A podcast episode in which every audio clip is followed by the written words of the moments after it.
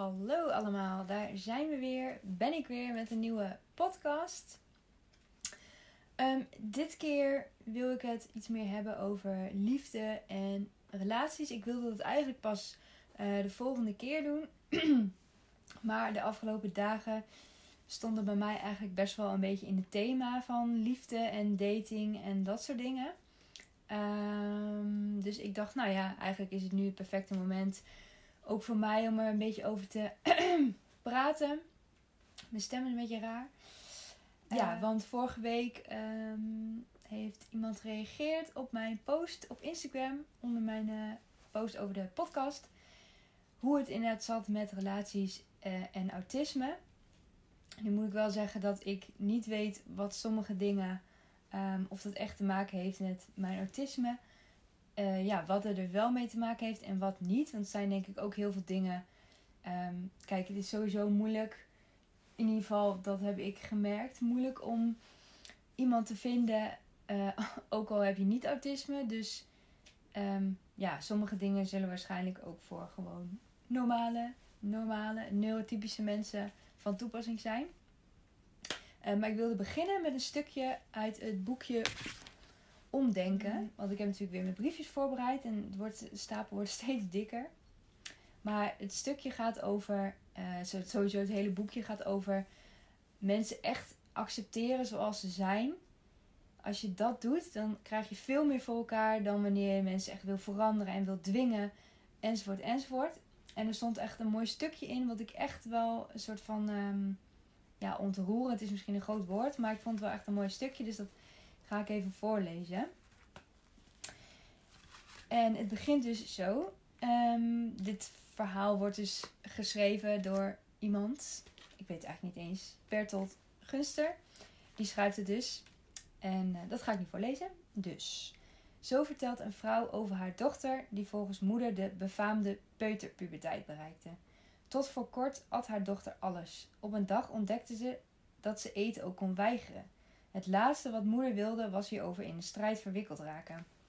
Binnen onze familie is de maaltijd ook een sociale gebeurtenis. We vinden het heerlijk om te koken, te genieten van het eten en het samen zijn. Als ik mijn dochter zou dwingen, zou het eten niet meer gezellig zijn, maar gelijk staan aan strijd. Ik besloot het over een andere boeg te gooien. Ze hoefde niet te eten als ze niet wilde. Maar ja, mijn dochter is een gezelligheidsdier en kwam wel regelmatig bij de tafel staan. Elke keer als dat gebeurde, zei ik tegen haar: je hoeft niet te eten, lieverd. Ga maar lekker spelen. Als we klaar zijn, komen we bij je. Ik ga nu verder eten met papa. Bij de tussendoortjes sloegen we haar over en zeiden we zorgzaam: Jij hoeft niet hoor.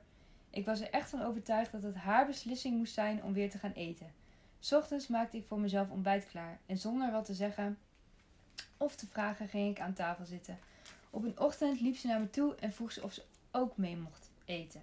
Ik reageerde met gezellig en maakte een boterham klaar. Vanaf dat moment heeft ze geen maaltijd meer overgeslagen en haar lust tot nieuwe dingen proeven heeft ze behouden. Inmiddels is ze negen jaar en helpt ze me met koken. En nou, ik vind het best wel een mooi verhaal, omdat ze, uh, je bent natuurlijk heel snel geneigd om te zeggen, ja, je moet wat eten, je moet dit doen, uh, dit en dat. En ook om, zeg maar, wat hier ook nog in de alinea hierna, wat de auteur ook schrijft van hoe verleidelijk is het op zo'n moment wel niet om als ouder je gelijk te halen door geïrriteerd te reageren met nou hoeft het niet meer of zie je wel dat je wel mee wil eten. Maar dat stukje vond ik dus echt heel mooi. Omdat die moeder dus echt aan haar kind overliet van ja, je mag zelf bepalen of je mee wil eten of niet. En dat ze ook vooral dat stukje daarna, dat, dat toen het meisje dus wel mee wilde eten, dat ze dus gewoon haar dochter nog steeds accepteerde. En dat ze niet inderdaad van die, um, van die nare commentaren maakt van uh, ja, zie je wel. En uh, ja, dat soort dingen. En dat zie ik nog ook in mijn omgeving eigenlijk best wel. Dat mensen dat heel erg doen als ze iets zogenaamd beter weten. En dat het dan ook dat jij daar niet in meegaat. En dan misschien blijkt het dan toch zo te gaan zoals de ander dacht. En dat ze dan heel erg gaan zeggen, ja, zie je wel. Nou ja, dat, um, nou, zo hoeft het dus helemaal niet te gaan. En dat vond ik gewoon heel mooi. Dat wilde ik ook in deze podcast meegeven. Dus vooral dat we dus ja, mensen accepteren zoals ze echt zijn. Ja, um, mooier dan dat kun je het eigenlijk niet krijgen, vind ik. En dat is ook een ding. en daar ga ik het zo ook over hebben. Dat ook in dus relaties, dat het ook heel erg gaat om het accepteren van de ander. Maar vooral wat echt het meest belangrijk is en waar ik dus zelf waarschijnlijk nog niet, nog niet genoeg doe, is accepteren van jezelf. Volledig zoals je bent. Dus daar, dat, uh, dat is ook een ding. Um, nou, dus die, dat vond ik echt een mooie. En waar ik ook een gedachte die ik had opgeschreven, de volgende, is, um, dat ja, sluit hier wel een beetje bij aan. Maar ik had opgeschreven, ik moet genoeg hebben aan mezelf en mijn vrienden, maar dat heb ik eigenlijk niet.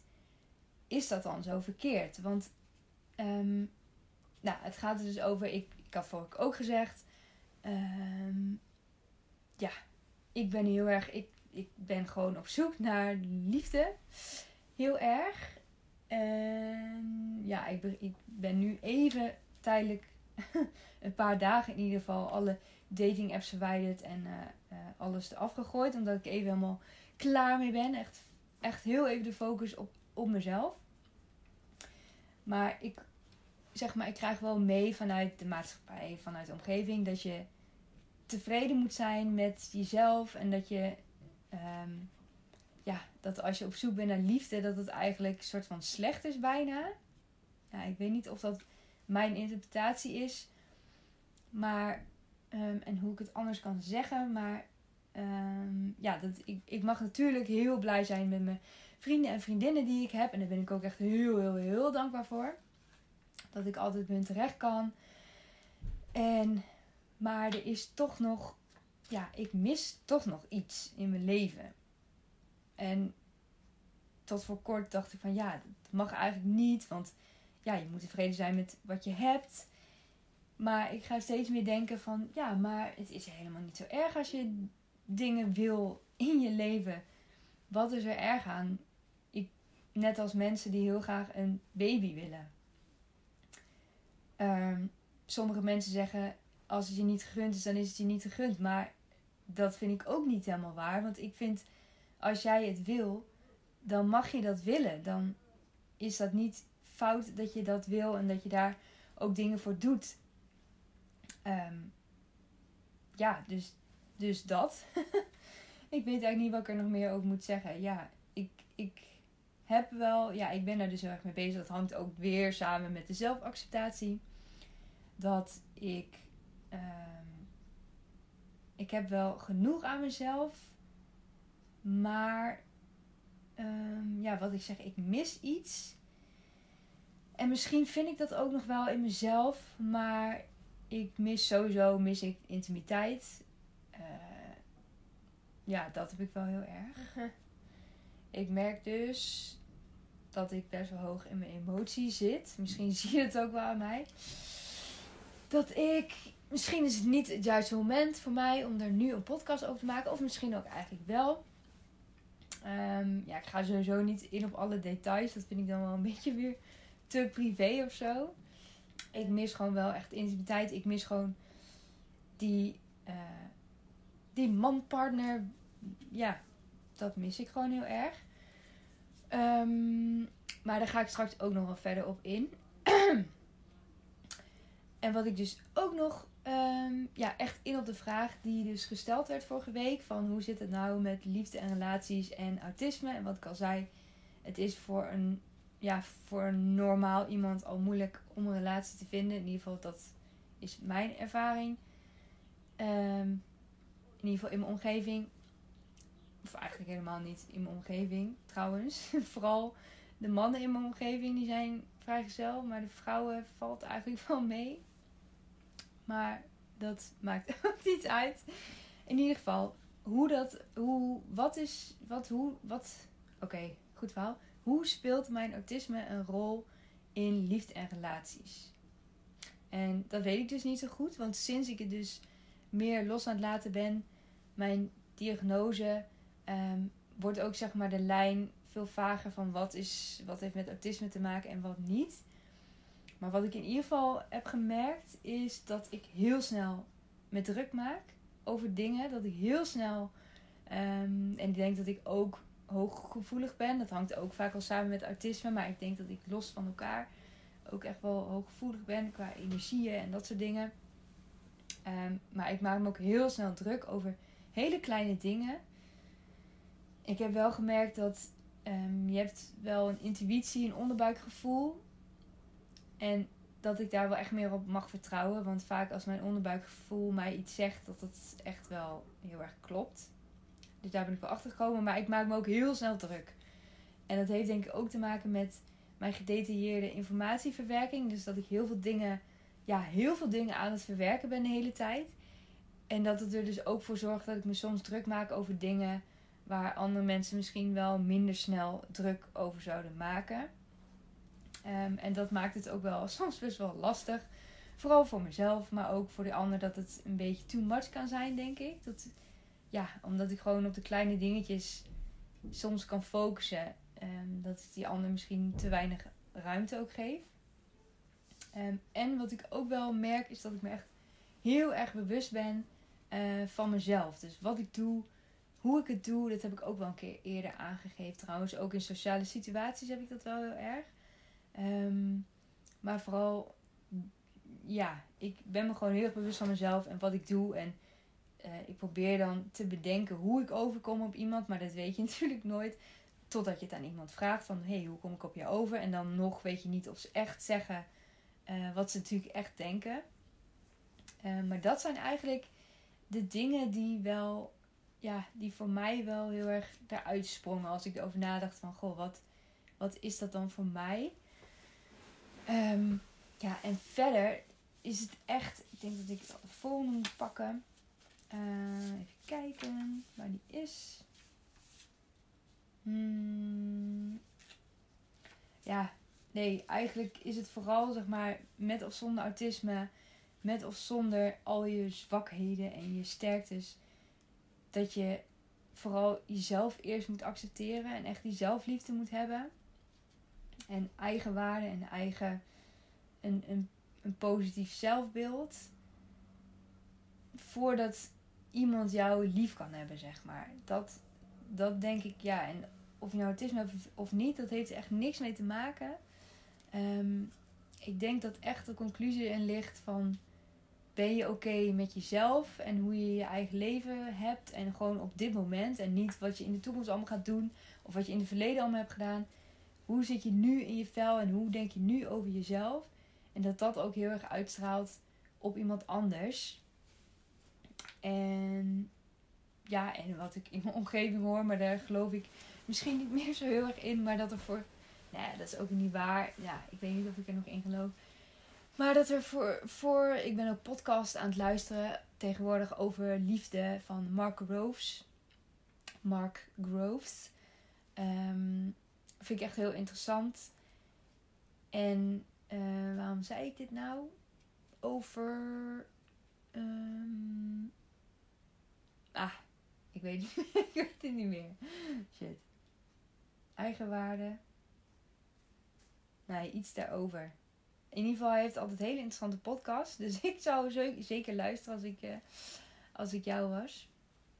Oh ja, nee, het ging over dat er, uh, ja, dat zei Mark Rose inderdaad ook. Van je kunt wel zeggen van, nou ja, er, er is, nee, er is altijd iemand voor je. Zeg maar, je hoeft maar één iemand te vinden. En dan, dan heb je het, zeg maar. Je kunt wel, zeg maar, duizend slechte dates vinden. Maar als er eentje daarna komt die wel goed is. Ja, zo is het ook wel. Dat je, zeg maar... Um, en ik ben er ook van overtuigd dat je, zeg maar... Dat er niet één iemand is voor jou, maar wel op um, dat er wel meerdere mensen zijn. Alleen dat je zeg maar net toevallig iemand op het juiste moment tegenkomt in jouw leven en het juiste moment in zijn leven of haar leven, maakt ook niet uit. Dat jullie in elkaars leven komen op precies het juiste moment. En ik denk dat er best wel tien mensen kunnen zijn die de perfecte partner voor jou kunnen zijn, maar dat er net, ja, net op het goede moment één van die tien zeg maar moet tegenkomen en dat je ja, dat je dan een relatie kan laten groeien. Ik weet niet of het een beetje een duidelijk verhaal is wat ik zeg.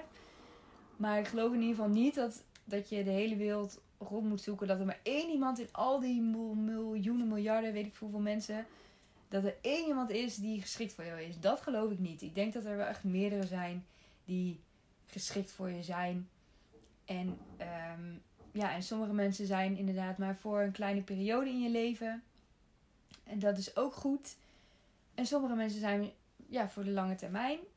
En daar ben ik nu dus heel erg naar op zoek. Ehm, ja, en ik heb inderdaad hier op het volgende briefje dat ik heel erg. Uh, ik zit nu dus. Ik ga ook het boek Liefdesbang lezen. Daar heb ik ook heel veel verhalen over gehoord. En het, dat boek gaat ook over verlatingsangst en bindingsangst. En ik ben inmiddels wel achter dat ik wel verlatingsangst heb. Heel erg. En uh, dat ik dus heel erg snel in die angst ga. En dat ik dus toevallig, nou ja, dat geloof ik niet dat het toevallig is. En misschien als ik het boek heb gelezen, dat ik nog meer inzicht hierover heb. Maar dat ik uh, alleen maar mannen aantrek. Of ja, alleen maar. Ik denk het eigenlijk wel. Dat ik zelf geïnteresseerd ben in mannen die heel erg bindingsangst hebben. Waar dus nooit iets mee kan worden. En dat ik die echt aantrek omdat ik zelf dus die verlatingsangst heel erg heb. En ik weet nog niet precies hoe dat allemaal werkt. Maar dat is wel wat ik tot nu toe heb gehoord van de mensen in mijn omgeving. En ook dat het boek Liefdesbang daar zo over gaat. Um, en wat er ook mee te maken heeft is omdat ik mezelf nog niet genoeg accepteer. Dat ik misschien ook nog niet kan verwachten dat iemand anders mij accepteert zoals ik ben. Omdat als je inderdaad jezelf nog niet eens genoeg accepteert. Um, ja, dan heb je niet echt misschien de goede basis om een relatie mee te beginnen. En misschien kan het wel, alleen ja, ja het is wel moeilijker. Want het is ook. Um, ja, je straalt toch een bepaalde onzekerheid misschien uit. En dat trekt misschien ook wel weer onbewust bepaalde mensen aan die dan daar precies niet goed voor zijn. Um, ja, want ik heb dus echt wel ook mannen gehad die me niet accepteren zoals ik ben. Mannen gehad, mannen gedate. Die uh. zeg maar niet accepteren dat ik. Uh, ja, of bijvoorbeeld dat ik dus, dat ik dus geen baan heb. Nu op dit moment Terwijl het gaat er wat mij betreft helemaal niet om wat iemand doet of hoe iemand eruit ziet of weet ik veel waar iemand woont of whatever. Maakt allemaal eigenlijk helemaal niet uit. Zou niet uit moeten maken. Maar dan zit er toch een bepaalde blokkade tussen twee personen. Want ik ben zelf natuurlijk ook een deel van de, van de wisselwerking. Maar dat is ook weer valko trouwens. Want ik, ik kijk te veel naar mezelf. En soms kijk ik dan te weinig wat het aandeel ook is van de ander. Want soms is het. Ik krijg weer de hik ervan.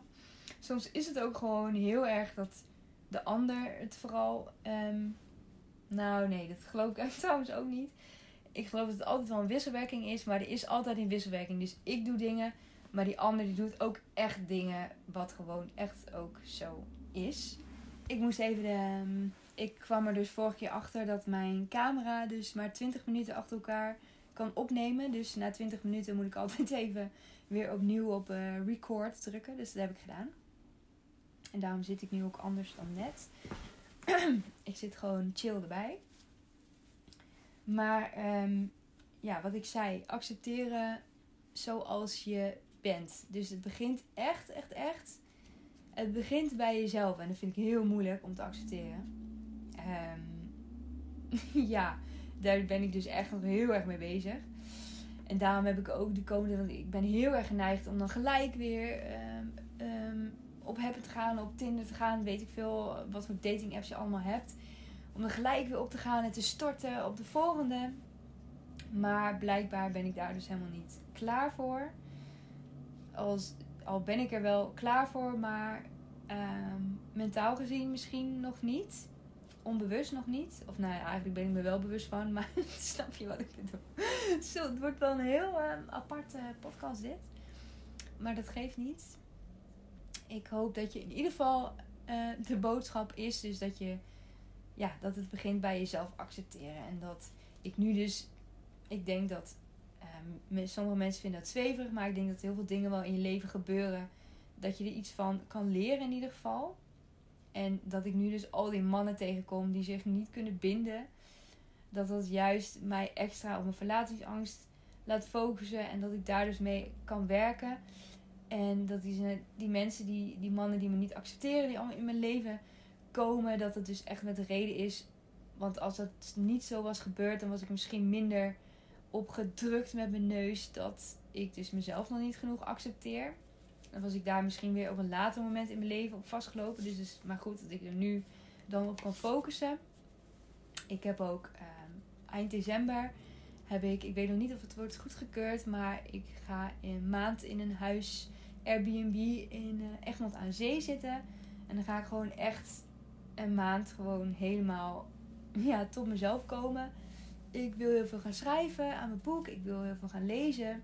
Ik wil heel veel gaan wandelen op het strand. En uh, ja, dat had ik eerder eigenlijk denk ik nooit echt gedaan. En ik zit nu natuurlijk, ik woon natuurlijk bij mijn ouders. En ze zijn eigenlijk altijd thuis. en het is natuurlijk hartstikke fijn nu, vooral nu in de lockdown. Als ik misschien op mezelf had gewoond, dan werd ik misschien helemaal gek. Daarom probeer ik nu ook wel zoveel mogelijk met vrienden af te spreken. Omdat ik dus, ik zit dus heel veel thuis wel met mijn ouders. Maar dat ben ik ook wel een keer zat, zeg maar. Dus ik probeer wel zoveel mogelijk ook erop uit te gaan. En nu dus uh, één maand dus echt helemaal alleen te zitten. Um, want dat heb ik gewoon nodig. Ik merk het gewoon dat, dat ik het nodig heb. En ja, het kost misschien wel veel geld, maar dat heb ik er wel echt voor over. Het is echt een investering in mezelf. En dat is ook iets wat ik ook wil meegeven aan iedereen. Ook met mijn mentale gezondheid heeft dat te maken. Die investering krijg je echt sowieso terug. Het is een investering in tijd en een investering in geld, maar je krijgt het sowieso terug. Dus net als met coachingstrajecten. Het is echt een investering. Maar um, ja, het is soms echt heel erg nodig. En uh, ja, je kunt het proberen zelf op te lossen, wat vaak heel veel stress bezorgt. En ik had ook ervoor kunnen kiezen om inderdaad niet weg te gaan. Maar ik denk niet dat dat, dat, dat de goede keus was. Dus ik denk dat dit, wat ik nu heb gedaan, ja, ik denk dat het echt wel um, um, heel positief is. Dus ik ga daar denk ik dan ook een podcast opnemen, of meerdere zelfs.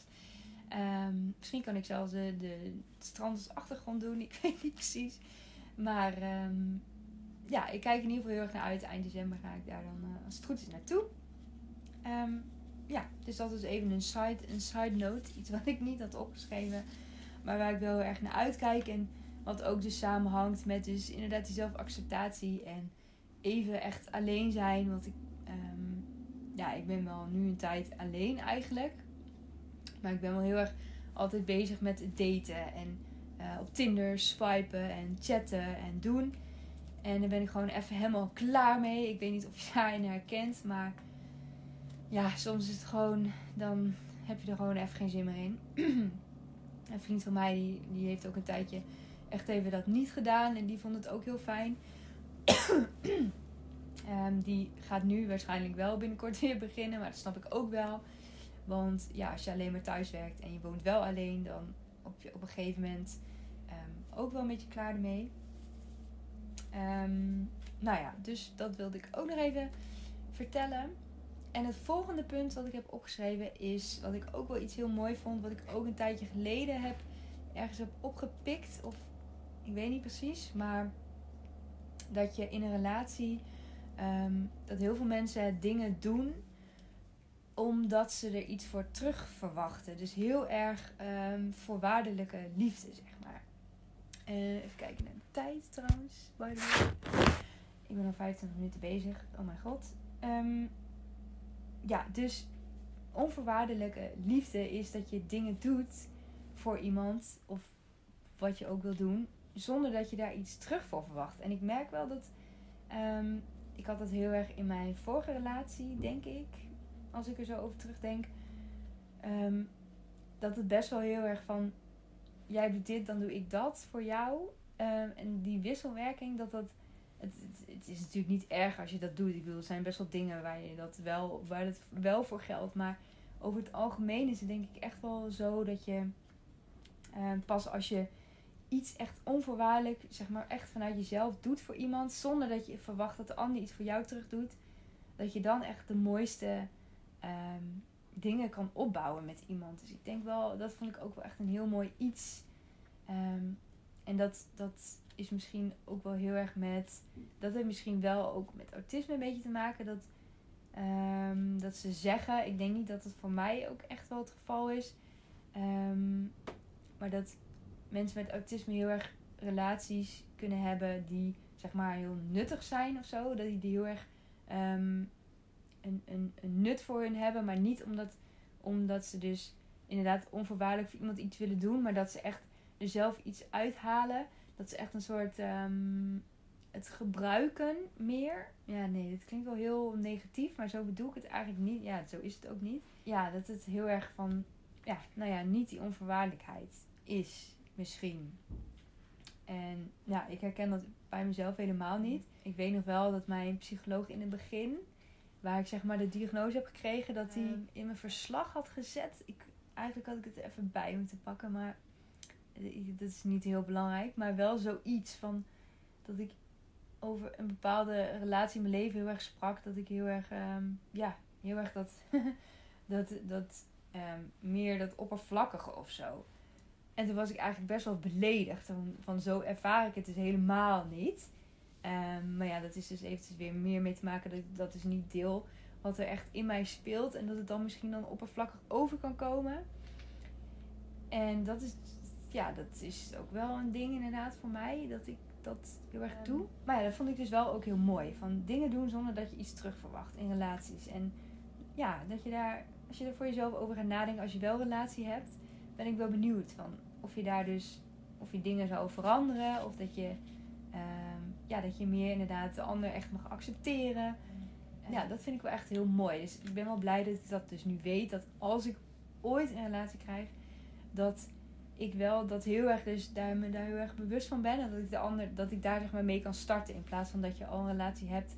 En dat je dan erachter komt van oh, dit werkt zo niet. En dat je er dan aan gaat werken. Dat is natuurlijk ook hartstikke goed en mooi en knap als je dat ook kunt.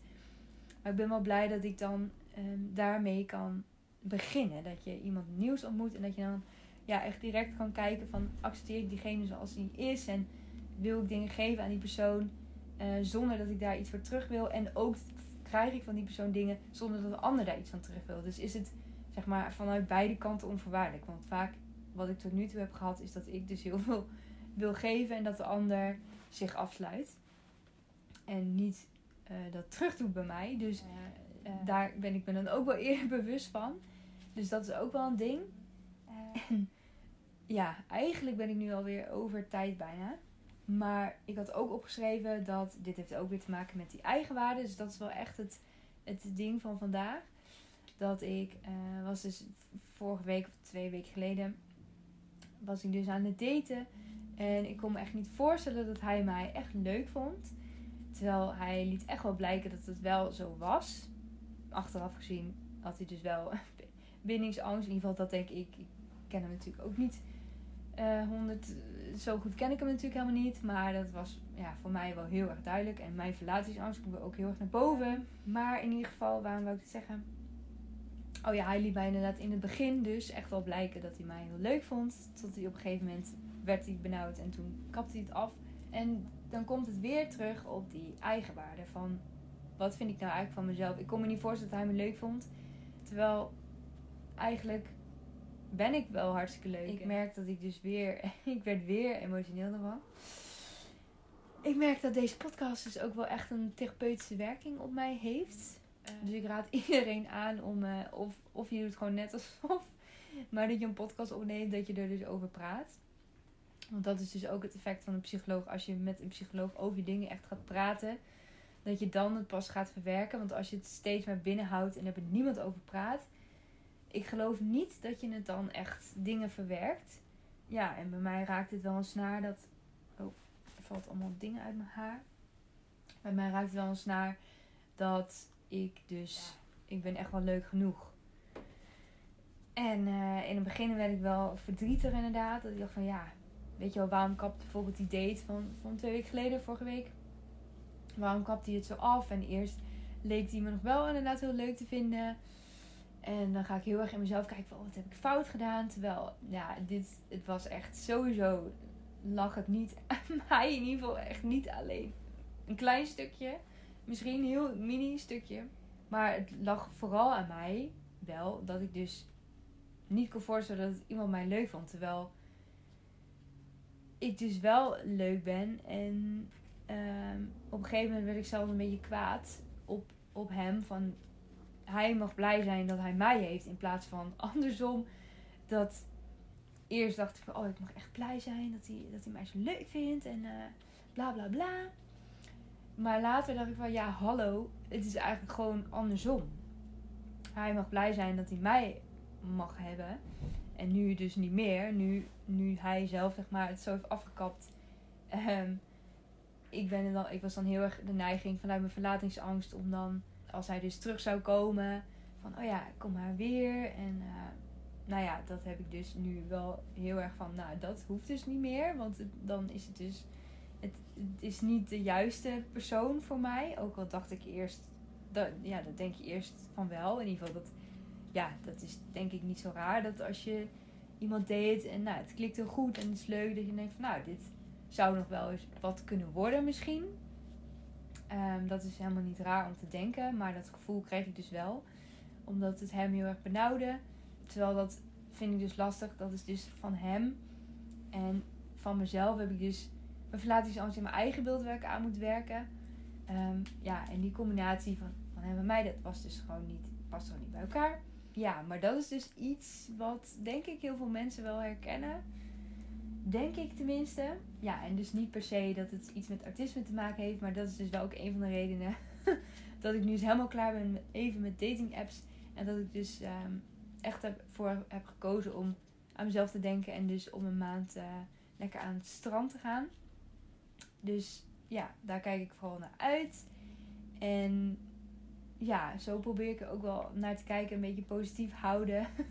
Want het is best wel een depressieve podcast eigenlijk. Best wel emotioneel.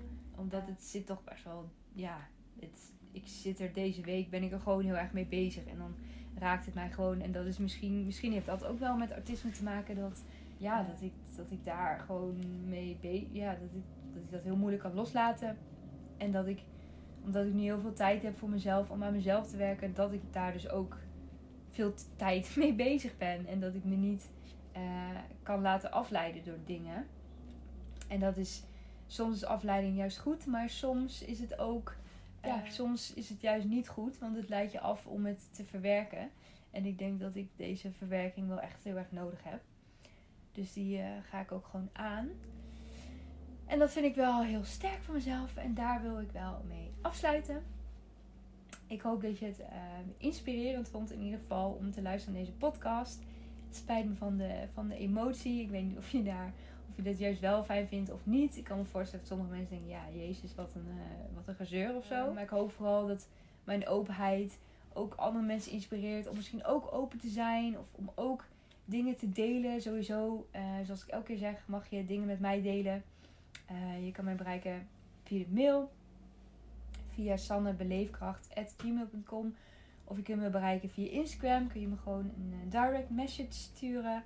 Of je reageert onder de post. Of um, via YouTube kun je nog reageren. Nou, um, ja, zoek een manier. Van alles kan. Alles kan. Ik vind het fijn als je jouw verhaal met mij wilt delen. Of als je wil dat ik meekijk met iets. Of misschien heb ik een ja, misschien kan ik je helpen met een inzicht of, um, ja, of gewoon een luisterend oor. Ja, daar ben ik eigenlijk wel een beetje voor of zo. ik weet niet.